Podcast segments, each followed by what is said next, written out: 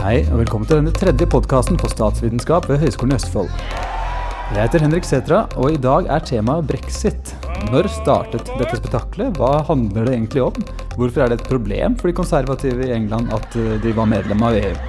Vi skal til slutt se litt på hva den nye avtalen de har kommet frem til, handler om. Vi er her med Harald Borgebuen. Følg med.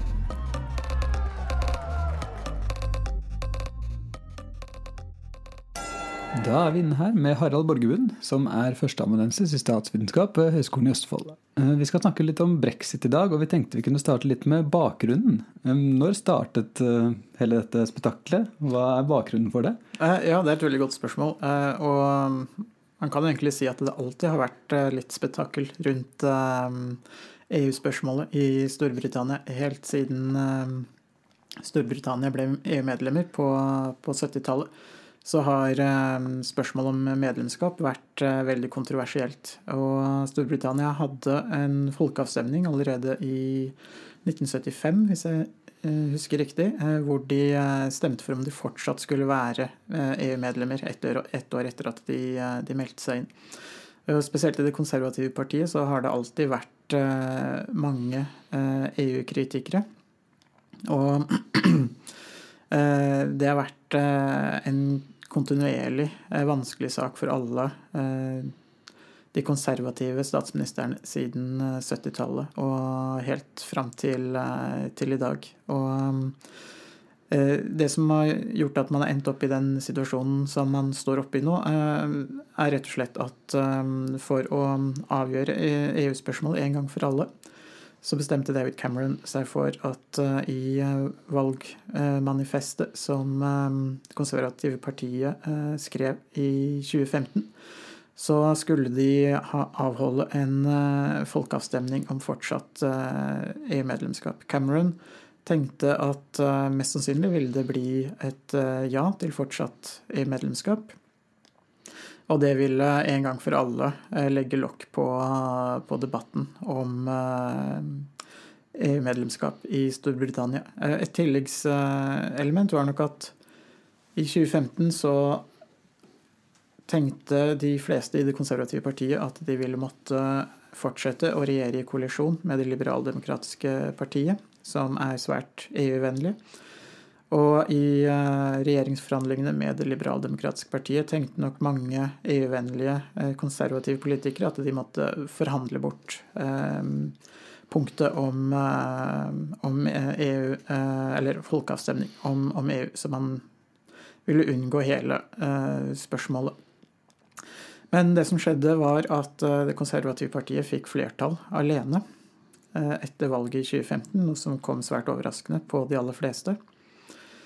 Og um, da sto det i manifestet fra valgkampen at uh, de skulle gjennomføre en folkeavstemning om EU-spørsmålet. Og da var det ingen vei utenfor. Og året etter, i 2016, så um, bestemte David Cameron seg for at det skulle avholdes en folkeavstemning da 23.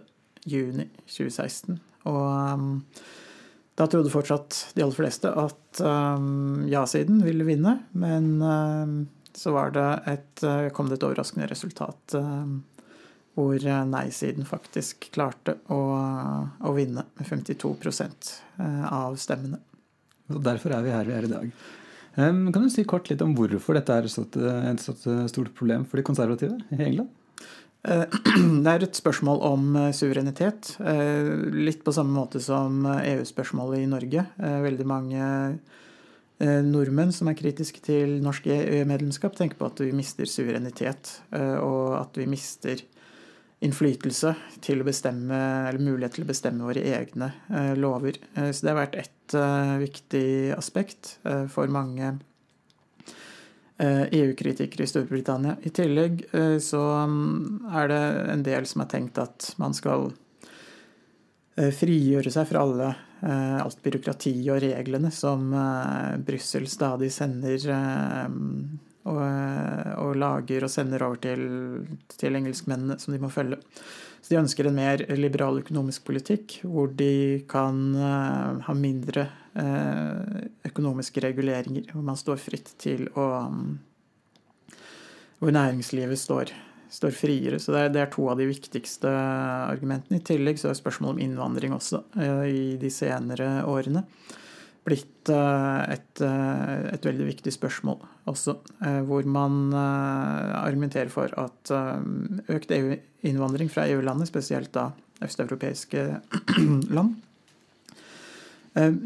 betyr større press på offentlige tjenester at um, innvandrerne også tar jobber fra engelskmennene, som, uh, som de sier.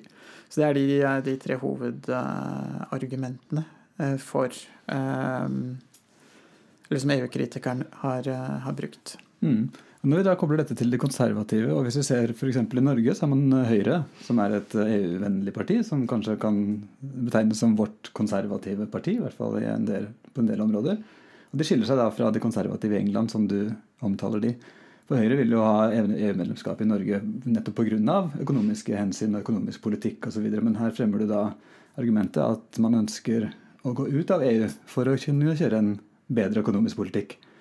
Hvordan vil du si, Hvilke partier i England er det som står mest for den linjen der? At man vil ut av EU for å kjøre en politikk med mindre byråkrati, mindre reguleringer? Eh, det som er litt spesielt med partiene i Storbritannia, er at de, eh, man har kun to store eh, partier, og de to store partiene rommer mange flere synspunkter, et litt sånn større spekter av politiske synspunkter enn det vi ofte er vant til i Norge. Og Det betyr at i det konservative partiet så finner man mange svært EU-vennlige som har omtrent samme utgangspunkt som som Høyre har i, eh, i Norge. Man finner også eh, en del eh, politikere i det konservative partiet i Storbritannia som står for en ganske ja, det man kaller en libertariansk økonomisk politikk, hvor staten skal være så, så liten som mulig. Så man ønsker en liten stat, en mye mindre stat i Storbritannia enn det man har i dag og um, i det bildet så passer det veldig dårlig med et overnasjonalt organ som, uh, som EU, som kommer med reguleringer og um, forskrifter. Så hvis man ønsker en liten stat, så, det, um, så det også, kan det også være lett for at man uh, inntar et EU-kritisk uh, standpunkt, siden EU blir en slags uh, kan ses på som en slags superstat, uh, nærmest, som uh, står over den staten man ønsker å, å gjøre så liten uh, som mulig. Nettopp. Så færre partier innebærer da kanskje at det er større meningsmotsetninger og konflikter innad de partiene, selv om kanskje Kristelig Fremskrittsparti eller Kristelig Folkeparti i Norge er en indikasjon på at det også kan skje på småpartiet. Selvsagt, altså de meningsmotsetningene finnes. Men hvis vi går litt til det som har skjedd nå i det siste, så er det jo May som har vært i hardt vær etter den avtalen som ble inngått. Vi går snart inn på den avtalen, men i det siste så unngår vel May nå da et mistillitsforslag? Er det sånn det ble? Uh, ja, det ser vel antagelig sånn ut. Uh, det har vært vanskelig for de EU-kritiske politikerne i det konservative partiet å, um, å stille nok uh, nok Eh, parlamentsmedlemmer som ønsker eh, en, eh, en ny lederkamp i det konservative partiet. Det er delvis fordi at det finnes ingen klare alternative lederkandidater. Det finnes en rekke mulige kandidater, men ingen som har en veldig sterk posisjon til å kunne enten få flertall eller samle partiet. Og det sier også noe om om statusen for de, mange av de EU-kritiske politikerne. Eh, og de har eh, både før folkeavstemningen, men også etter, hatt eh, en veldig fjern oppfattelse av hva som er virkeligheten, og hva som er realitetene rundt Storbritannias EU-situasjon. EU og de, de, fremstår som som politikere som, eh, som søker å eh, sla, eh, realisere en slags utopi eller fantasi som eh, i liten grad har fotfeste i virkeligheten. Og det er altså noe som gjør at de eh, til syvende og sist eh, krasjer med, med, virkeligheten og ikke klarer å få nok støtte om, om den, den, måten de ønsker å gjennomføre EU-utmeldingen EU på. Mm.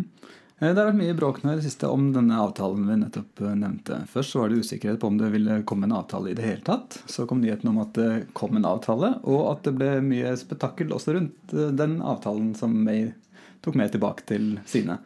Der EU-ministre har gått av, og mange har vært veldig kritiske til avtalen. Kan du veldig kort si hvilke hovedpunkter denne avtalen måtte bygge på? Ja, um, avtalen uh, innebærer at uh, Storbritannia kan selge eh, varer til EU omtrent sånn som eh, de gjør i dag.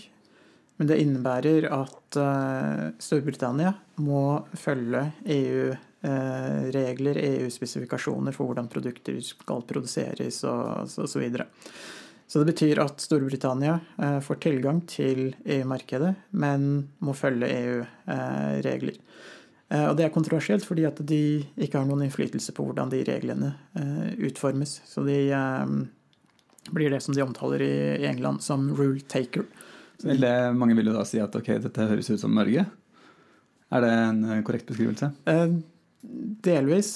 Det som, som er et av En av forskjellene er at den norske EØS-avtalen den gjelder både varer og tjenester. Og, eh, eller alle de fire frihetene, da. Eh, varer, tjenester, kapital og, og, og mennesker.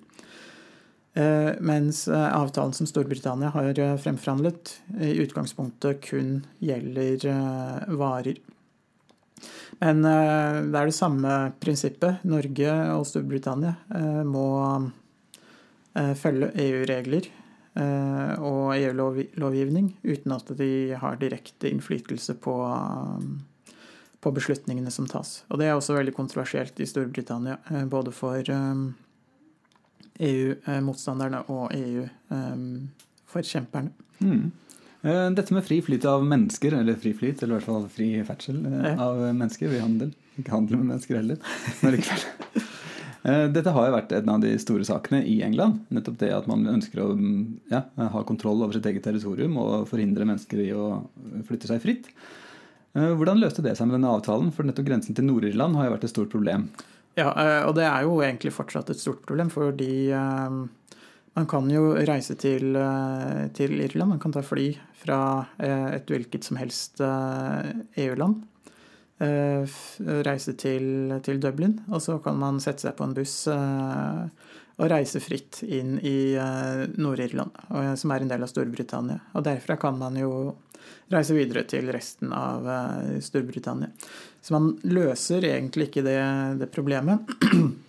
Men det betyr at reiser man fra et annet EU-land til Storbritannia, enten direkte eller gjennom Irland, så kan man ikke Eh, har man ikke de samme rettighetene som det man har hatt eh, tidligere. Eh, og heller ikke mulighet til, til å jobbe og bo i, i Storbritannia. Men man kan fortsatt reise til, til Storbritannia som, som tidligere.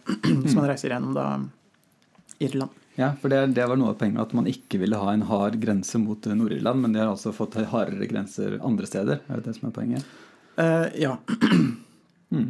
Det, det, er det i, i korte trekk. Og da er det viktig å eh, opprettholde eh, det man kaller en ja, soft border. At man ikke har en hard grense mellom Irland og Nord-Irland pga. Um, konflikten som har vært, på, vært i Nord-Irland eh, fra 70-tallet og, og, frem til fredsavtalen på slutten av, av 90-tallet. Mm. Yes, Da har vi vært gjennom litt av det siste nytt eh, når det gjelder brexit her. Eh, jeg har snakket mye med Harald om dette tidligere, og han har bl.a. omtalt dette som århundrets tabbe. Og det er noe vi kommer tilbake til i den neste podkasten om brexit.